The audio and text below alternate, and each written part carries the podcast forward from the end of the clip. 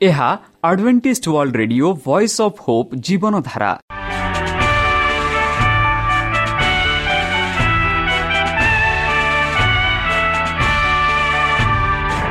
Odia radio କାର୍ଯ୍ୟକ୍ରମ ଯାହା ଆମର ଆନ୍ତର୍ଜାତୀୟ ଆଘାତ କେନ୍ଦ୍ରରୁ ପ୍ରସାରଣ କରାଯାଉଛି ପ୍ରତିଦିନ ରାତି ନଅଟା ତିରିଶ ମିନିଟ୍ରେ।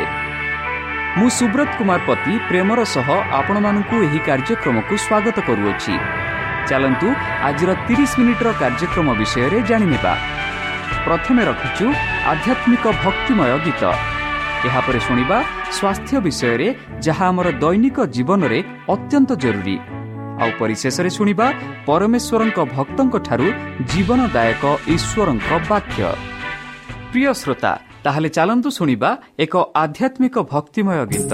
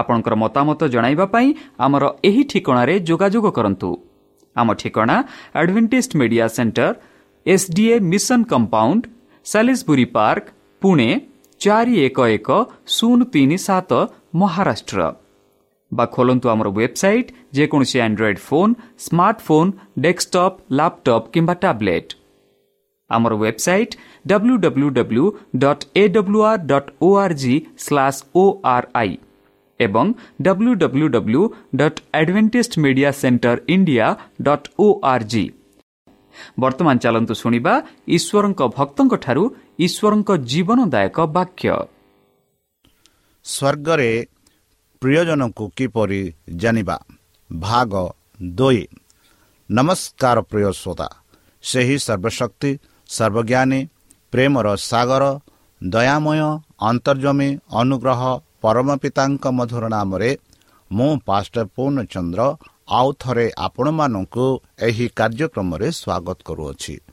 ସେହି ସର୍ବଶକ୍ତି ପରମେଶ୍ୱର ଆପଣମାନଙ୍କୁ ଆଶୀର୍ବାଦ କରନ୍ତୁ। ଆପଣଙ୍କୁ ସମସ୍ତ ପ୍ରକାର ଦୁଃଖ କଷ୍ଟ ବାଧା କ୍ଲେଶ ଓ ରୋଗରୁ ଦୂରେଇ ରଖନ୍ତୁ। ଶତ୍ରୁ ସୟତାନ ହସ୍ତରୁ ସେ ଆପଣଙ୍କୁ ସୁରକ୍ଷାରେ ରଖନ୍ତୁ। ତାହାଙ୍କ ପ୍ରେମ ତାହାଙ୍କ ସ୍ନେହ ତାହାଙ୍କ କୃପା ତାହାଙ୍କ ଅନୁଗ୍ରହ ସଦାସର୍ବଦା ଆପଣଙ୍କଠାରେ ସହବର୍ତ୍ତୀ ରହୁ। ପ୍ରିୟସତା ଚାଲନ୍ତୁ ଆଜି ଆମ୍ଭେମାନେ କିଛି ସମୟ ପବିତ୍ର ଶାସ୍ତ୍ର ବାଇବଲଠୁ ତାହାଙ୍କ ଜୀବନଦାୟକ ବାକ୍ୟ ଧ୍ୟାନ କରିବା।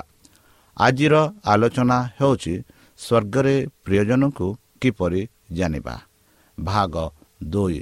ବନ୍ଧୁ ଗତକାଲି ଭାଗ ଏକ ଆମେ ଆଲୋଚନା କରିସାରିଛୁ। ଆଉ ସେହି ଆଲୋଚନାରେ ଆମେ ଦେଖିଛୁ କିପରି ଆମ ପରମେଶ୍ୱରକୁ ଆମେ ସାକ୍ଷାତ କରିପାରିବା। ଯେପରି ଗତକାଲି ଆମେ ପଢ଼ୁଥିଲୁ ଜହନ କୋଡ଼ିଏ ଏଗାରଠୁ ଷୋହଳ ସେଠି ଆମେ ଦେଖିଲୁ ମରିୟମ ରୋଦନ କରି ସେହି ସମାଧିଟି ସମାଧିକୁ ଗଲେ। ଆଉ ସେହି ସମାଧିରେ ସେ ଦେଖିଲେ ଦୁଇ ବ୍ୟକ୍ତିଙ୍କୁ ଯେଉଁମାନେ ଜଣେ ମୁଣ୍ଡ ପଟେ ଜଣେ ପାଦ ପଟେ ଶୁକ୍ଳ ବର୍ଣ୍ଣର ବସ୍ତ୍ର ପିନ୍ଧି ବସିଛନ୍ତି। ଆଉ ମରିୟମ ରୋଦନ କରି କହୁଛନ୍ତି କି ମୋର ପ୍ରଭୁଙ୍କୁ କେଉଁଠାରେ ରଖିଛନ୍ତି? ସେମାନେ କେଉଁଟାକୁ ନେଇଛନ୍ତି? ମୋତେ କୁହନ୍ତୁ ଯେପରି ମୁଁ ସେଠିକା ସେଠାକୁ ଯାଇ ତାହାଙ୍କ ଶରୀରକୁ ଘେନିବି। ଆଉ ଯେବେ ସେ ପଛପଟ ହୁଅନ୍ତି ସେ ଯୀଶୁକୁ ଦେଖନ୍ତି। ଆଉ ସେ ଜାଣନ୍ତି ନାହିଁ କି ସେହି ହେଉଛନ୍ତି ଯୀଶୁ। ଯେପରି ଆମେ ପନ୍ଦର ପଦରେ ଦେଖୁଛୁ ଯୀଶୁ ତାଙ୍କୁ କହିଲେ ଗୋ ନାରୀ କାହିଁକି ରୋଦନ କରୁଅଛ? କାହାର ଅନ୍ୱେଷଣ କରୁଅଛ ବୋଲି ଯୀଶୁ ତାହାଙ୍କୁ ପଚାରିଲେ। ସେ ତାହାଙ୍କୁ ଉଦ୍ୟାନର ମାଲି ବୋଲି ସେ ଭାବିଲେ। ମହାଶୟ ସେ କହିଲେ ଆପଣ ଯଦି ତାହାଙ୍କୁ ଘେନି ଯାଇଅଛ ତାହେଲେ ତାହାଙ୍କୁ କେଉଁ ସ୍ଥାନରେ ରଖିଅଛ? ମୋତେ କୁହନ୍ତୁ ବୋଲି ମରିୟମ ତାକୁ ପଚାରିଲେ। ଯୀଶୁ ତାଙ୍କୁ କହିଲେ ମରିୟମ ସେ ଭୁଲି ପଡ଼ି ଏଭ୍ରି ଭାଷାରେ ତାଙ୍କୁ କହିଲେ ରାଜୁଣୀ ବା ଅର୍ଥାତ୍ ହେ ଗୁରୁ ବନ୍ଧୁ ଆମେ ଦେଖୁଅଛୁ କି ମରିୟମ ଯୀଶୁଖ୍ରୀଷ୍ଟଙ୍କୁ ଚିହ୍ନି ପାରିଲେ ଜହନ କୋଡ଼ିଏ ଉଣେଇଶ କୋଡ଼ିଏ ଛବିଶ ଟୁ ଅଣତିରିଶ ଆମେ ଦେଖୁଅଛୁ ଏହିପରି ସେହିଦିନ ଅର୍ଥାତ୍ ସପ୍ତାହର ପ୍ରଥମ ଦିନ ସନ୍ଧ୍ୟା ସମୟରେ ସେତେବେଳେ ଶିଷ୍ୟମାନେ ଯେଉଁ ଗୃହରେ ଥିଲେ ସେଥିର ଦ୍ୱାରଗୁଡ଼ିକ ଯୁହୁଦୀମାନଙ୍କ ବକ୍ଷରେ ରୁଦ୍ଧ ଥିଲା। ସେତେବେଳେ ଯୀଶୁ ଆସି ମଧ୍ୟସ୍ଥରେ ଠିଆ ହୋଇ ସେମାନଙ୍କୁ କହିଲେ ତୁମମାନଙ୍କର ଶାନ୍ତି ହେଉ। ବନ୍ଧୁ ଏହା ସ୍ପଷ୍ଟ ରୂପେ ଆମେ ଦେଖୁଅଛୁ କି ଯୀଶୁ ଖ୍ରୀଷ୍ଟ ଜୀବିତ ହୋଇଅଛନ୍ତି। ପୁଣି ଏହା କହି ସେ ସେମାନଙ୍କୁ ଆପଣ ହସ୍ତ କକ୍ଷ ଦେଶ ଦେଖାଇଲେ। ସେଥିରେ ଶିଷ୍ୟମାନେ ପ୍ରଭୁଙ୍କୁ ଦେଖି ଆନନ୍ଦିତ ହେଲେ। ଆଠ ଦିନ ପରେ ତାଙ୍କ ଶିଷ୍ୟମାନେ ପୁନର୍ବାର ଭିତରରେ ଥିଲେ ଓ ସେହି ସମୟରେ ଥମା ସେମାନଙ୍କ ସାଙ୍ଗରେ ନଥିଲେ। ଦ୍ୱାର ସବୁ ବୃଦ୍ଧ ଥିଲା ବା ବନ୍ଦ ଥିଲା। ସମୟରେ ଯୀଶୁ ଆସି ସେମାନଙ୍କ ମଧ୍ୟରେ ଠିଆ ହେଲେ। ତୁମମାନଙ୍କ ଶାନ୍ତି ହେଉ ବୋଲି ଯୀଶୁ କହିଲେ। ପରେ ସେ ଥମାସୋକୁ କହିଲେ ଏହାଡ଼େ ତୁମର ଆଙ୍ଗୁଠି ଆଙ୍ଗୁଳି ବଢ଼ାଇ ମୋର ହାତ ଦେଖ ଓ ହାତ ବଢ଼ାଇ ମୋତେ କକ୍ଷ ଦେଶରେ ଠିଆ। ଦିଅ। ଅବିଶ୍ୱାସୀ ନ ହୋଇ ବିଶ୍ୱାସ ହୁଅ।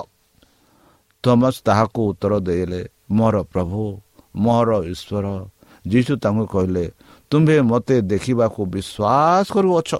ଯେଉଁମାନେ ନ ଦେଖି ବିଶ୍ୱାସ କରୁଛନ୍ତି ସେମାନେ ଧନ୍ୟ ବନ୍ଧୁ।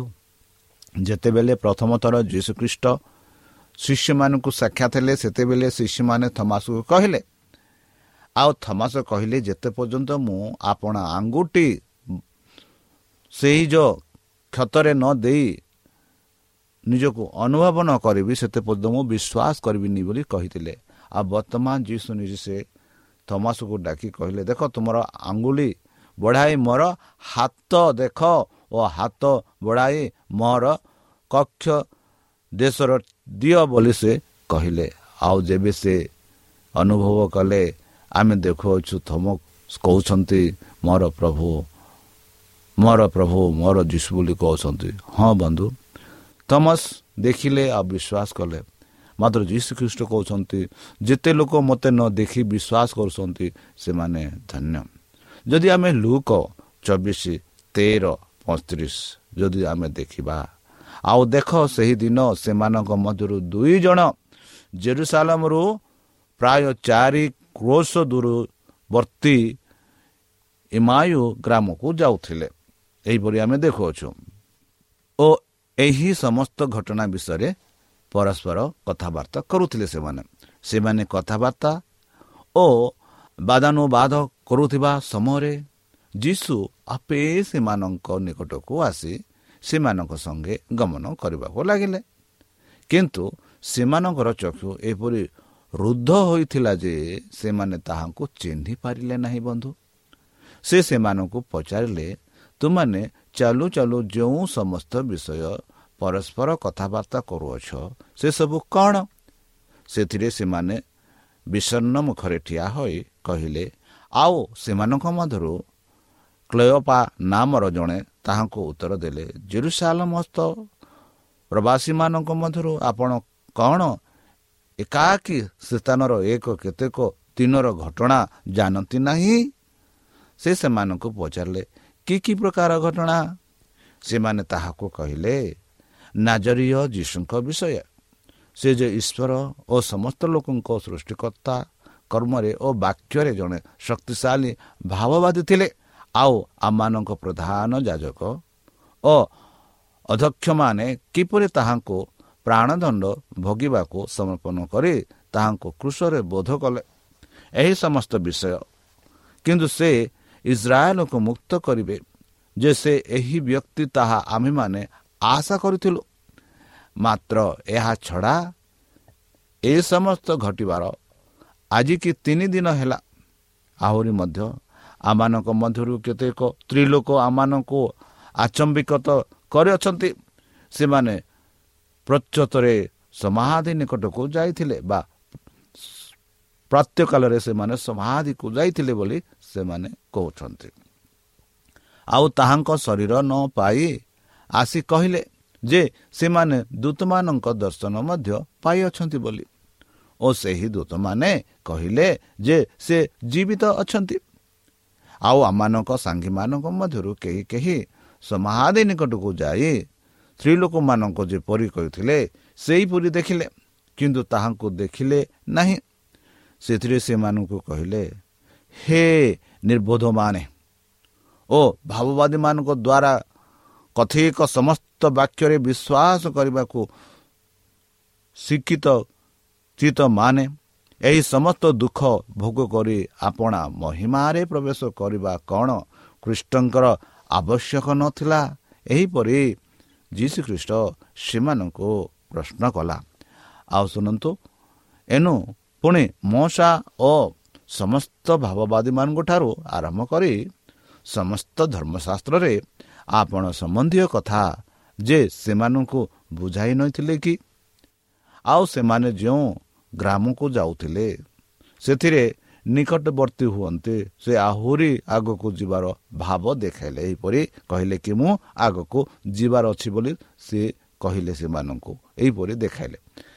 ମାତ୍ର କିନ୍ତୁ ସେମାନେ ତାହାକୁ ବୋଲାଇ କହିଲେ ଆମ୍ଭମାନଙ୍କ ସାଙ୍ଗରେ ରୁହନ୍ତୁ କାରଣ ସନ୍ଧ୍ୟା ହୋଇ ଆସୁଅଛି ଓ ବେଳ ଗଡ଼ିଲାଣି। ସେଥିରେ ସେ ସେମାନଙ୍କ ସହିତ ରହିବାକୁ ଘର ଭିତରକୁ ଗଲେ। ବନ୍ଧୁ କେଡ଼େ ସୁନ୍ଦର ଭାବରେ ସେମାନେ ଅନୁଭବ କରୁଛନ୍ତି। ଆଉ ସେମାନଙ୍କ ସହିତ ଭୋଜନରେ ବସିଲା ଉତ୍ତାରେ ସେ ରୁଟି ଘେନି ଆଶୀର୍ବାଦ କଲେ। ପୁଣି ତାହା ଭାଙ୍ଗି ସେମାନଙ୍କୁ ଦେବାକୁ ଲାଗିଲେ।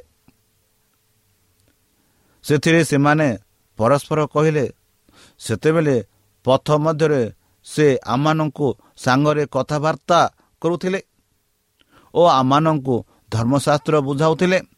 ସେତେବେଳେ କ'ଣ ଆମମାନଙ୍କ ହୃଦୟ ଉଦ୍ଦୁପ୍ତ ହେଉନଥିଲା? ଏହିପରି ସେମାନେ ଭିନ୍ନ ଭିନ୍ନ ପରସ୍ପରକୁ କଥାବାର୍ତ୍ତା କହୁଥିଲେ। ଆଉ ସେମାନେ ସେହି ଦଣ୍ଡର ଉଠି ଜେରୁସାଲମକୁ ବାହୁଡ଼ିବାର ଆରମ୍ଭ କଲେ ବନ୍ଧୁ। ସମସ୍ତେ ହୋଇଥିବା ସମବେତ ହୋଇଥିବା ଏକାଦଶଙ୍କୁ ଓ ସେମାନଙ୍କ ସଙ୍ଗୀମାନଙ୍କୁ ଦେଖିଲେ। ସେମାନେ କହୁଥିଲେ ପ୍ରଭୁ ନିଶ୍ଚୟ ଉଠି ଅଛନ୍ତି ଓ ସେମାନଙ୍କୁ ଦର୍ଶନ ଦେଇଅଛନ୍ତି।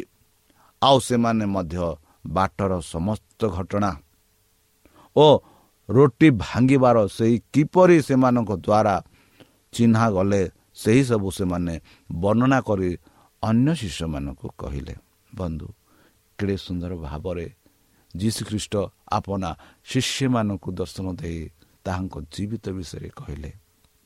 ଏଥି କାରଣରୁ ଯେସାୟ ଭବିଷ୍ୟତ ଭକ୍ତା ଲେଖନ୍ତି ପୁରାତନ ନିୟମରେ ଜିସାୟ ଛଅଷଠି ବାଇଶରେ ସେ ଲେଖନ୍ତି ଏହିପରି କାରଣ ଆମ୍ଭେ ଯେଉଁ ନୂତନ ଆକାଶ ମଣ୍ଡଳ ନୂତନ ପୃଥିବୀ ନିର୍ମାଣ କରିବା ତାହା ଯେପରି ଆମ ସମ୍ମୁଖରେ ସ୍ଥାୟୀ ହେବ ସେହିପରି ତୁମମାନଙ୍କ ବଂଶ ଓ ତୁମମାନଙ୍କର ନାମ ସ୍ଥାୟୀ ହେବ ଏହା ସଦାପ୍ରଭୁ କହନ୍ତି। ବନ୍ଧୁ ସେହି ଯୀଶୁଖ୍ରୀଷ୍ଟ ଆମମାନଙ୍କ ବଂଶ ଆମମାନଙ୍କ ନାମ ସ୍ଥାୟୀ ହେବା ପାଇଁ ସେ ଏହି ପୃଥିବୀକୁ ଆସିଲେ ଯେପରି ସେହି ପ୍ରତିଜ୍ଞାକୁ ଆମେ ଦାବି କରିପାରିବା।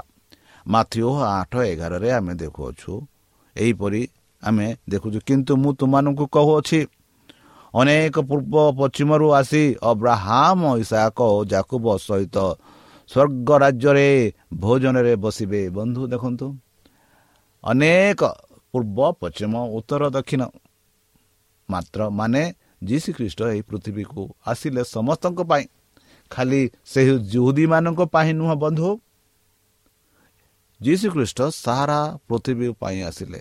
ଯେପରି ସାରା ପୃଥିବୀ ଲୋକ ସେହି ସ୍ୱର୍ଗ ରାଜ୍ୟରେ ବାସ କରିପାରିବେ। ଯେପରି ଯୀଶୁଖ୍ରୀଷ୍ଟ ନିଶ୍ଚିତ ଯୀଶୁଖ୍ରୀଷ୍ଟ ସ୍ୱାଇଁ କହୁଛନ୍ତି କି ମୁଁ ତୁମମାନଙ୍କୁ କହୁଅଛି ଅନେକ ପୂର୍ବ ପଶ୍ଚିମରୁ ଆସି ଅବ୍ରାହମ ଇସାକ ଓ ଜାକୁବଙ୍କ ସହିତ ସ୍ୱର୍ଗ ରାଜ୍ୟରେ ଭୋଜନ କରିବେ। ପୂର୍ବ ପଶ୍ଚିମ ଉତ୍ତର ଦକ୍ଷିଣ ଚାରି ଦେଶର ପୃଥିବୀର ଚାରି କଣରୁ ଲୋକ ଆସି ପରମେଶ୍ୱରଙ୍କ ସହ ବସି ଭୋଜନ କରିବେ।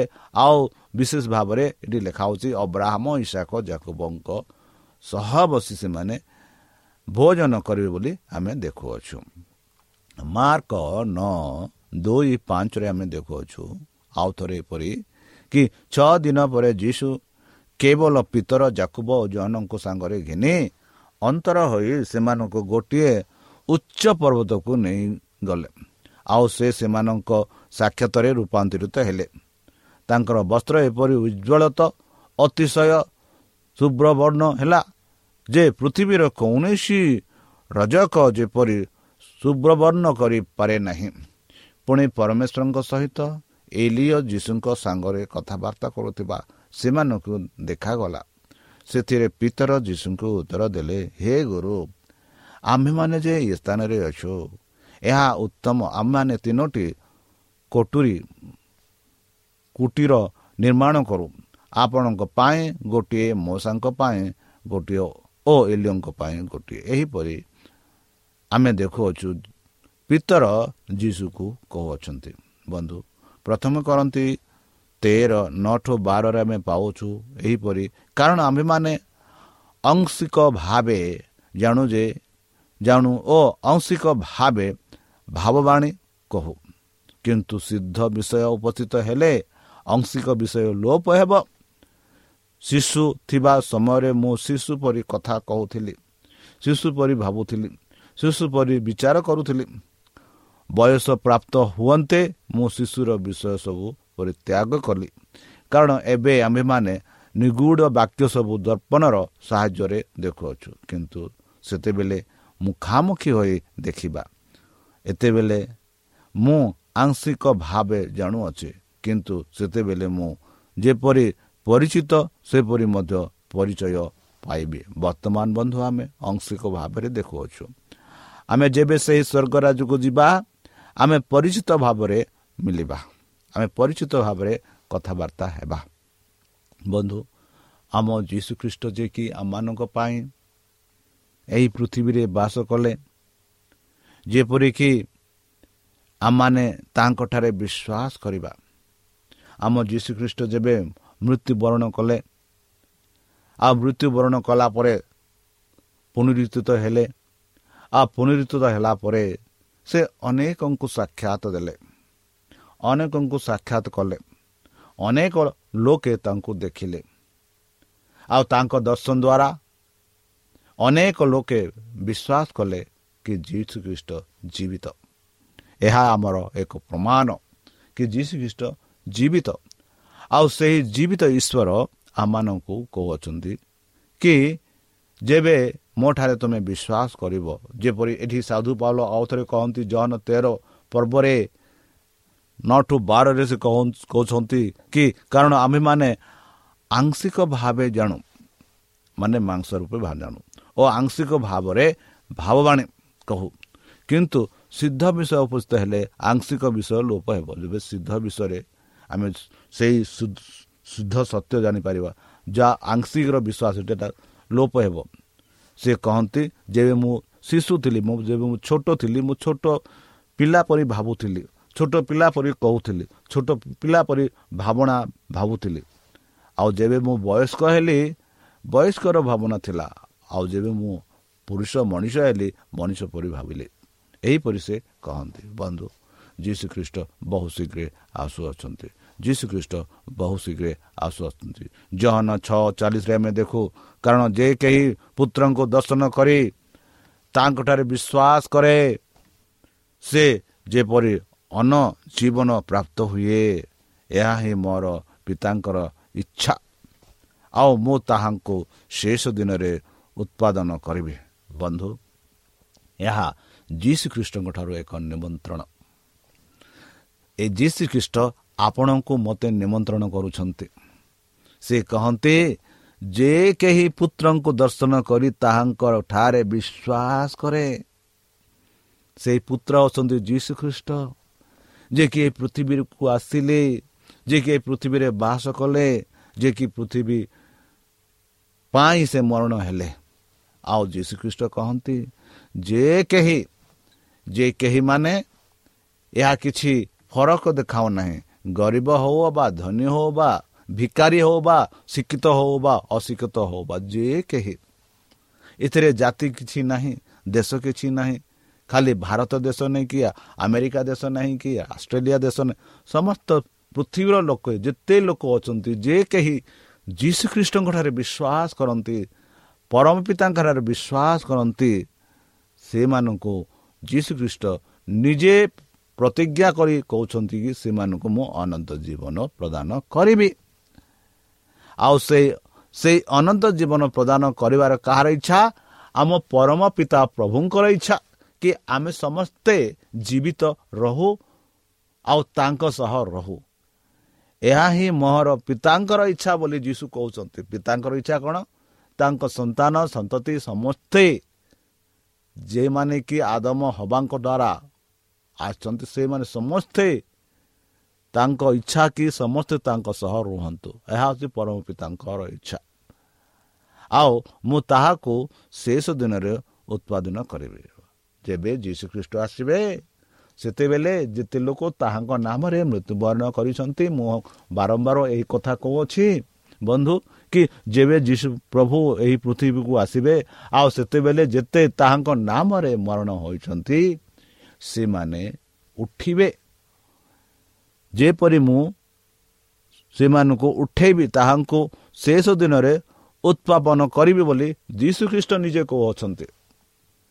ତାହେଲେ ଯୀଶୁଖ୍ରୀଷ୍ଟ ଯେବେ ଆମକୁ ଏକ ଭରସା ଦେଇ କହୁଛନ୍ତି ତାହେଲେ ଆମର ଏକ ସୌଭାଗ୍ୟ କି ତାହାଙ୍କ ନାମରେ ଆମେ ବିଶ୍ୱାସ କରିବା ସେ ସୁଯୋଗକୁ ଆମେ ଦାବି କରି ଆମେ ଆଗକୁ ବଢ଼ିବା।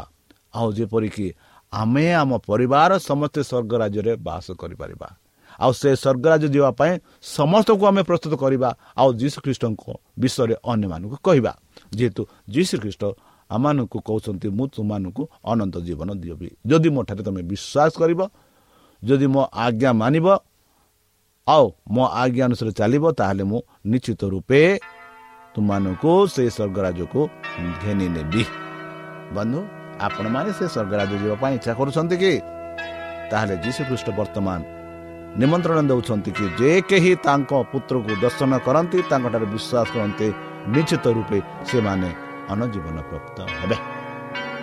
ଏହି ଯେଉଁ ନିମନ୍ତ୍ରଣକୁ ଆପଣ ଗ୍ରହଣ କରୁଛନ୍ତି କି? ତାହେଲେ ଚାଲନ୍ତୁ ସେହି ସଦାପ୍ରଭୁଙ୍କ ନାମରେ ଆମେ ନିଜକୁ ସମର୍ପଣ କରି ତାହାଙ୍କ ମଧୁର ନାମରେ ଆମେ ପ୍ରାର୍ଥନା ଉତ୍ସର୍ଗ କରିବା।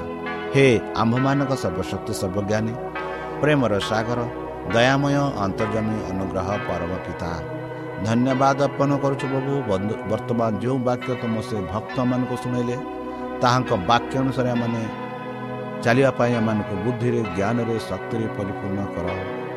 ଆମ ପାପ ସବୁ ତୁମ ସେହି ବହୁମୂଲ୍ୟ ରକ୍ତରେ ପରିଷ୍କାର ରୂପେ ଧୋଇଦିଅ। ଆଉ ପରିଶେଷ ଯେବେ ତୁମେ ତୁମ ସେହି ସହସ୍ର ଦୂତଙ୍କ ସହ ଆପଣା ସାଧୁଙ୍କ ସହ ଆସିବେ ସେତେବେଳେ ଆମମାନଙ୍କୁ ଏକ ବାସ ସ୍ଥାନ ଦେବ ବୋଲି ପ୍ରାଣକର୍ତ୍ତା ପ୍ରଭୁ ଯୀଶୁଙ୍କ ମଧୁରମୟ ନାମରେ ଏହି ଛୋଟ ବିକ୍ଷାମ ଅଛେ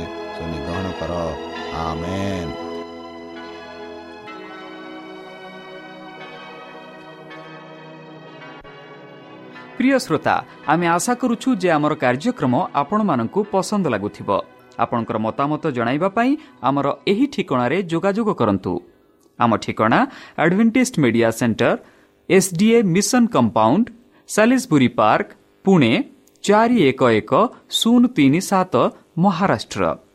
ବା ଖୋଲନ୍ତୁ ଆମର ୱେବ୍ସାଇଟ୍ ଯେକୌଣସି Android phone smartphone desktop laptop କିମ୍ବା ଟ୍ୟାବ୍ଲେଟ୍ ଆମର website W W W dot A A W R dot O R G slash O R I ଏବଂ W W W dot advantage media centre India dot O R G advantage media centre ଇଣ୍ଡିଆର spelling ହେଉଛି A D V E N T I S T M E D I A C E N T R E I N D I A ଅଥବା download କରନ୍ତୁ ଆମର mobile app ଆପଣଙ୍କର mobile play ଷ୍ଟୋରକୁ ଯାଆନ୍ତୁ ଆଉ type କରନ୍ତୁ the voice of hope ଆଉ download କରନ୍ତୁ। ଈଶ୍ୱର ଆପଣଙ୍କୁ ଆଶୀର୍ବାଦ କରନ୍ତୁ। ଧନ୍ୟବାଦ।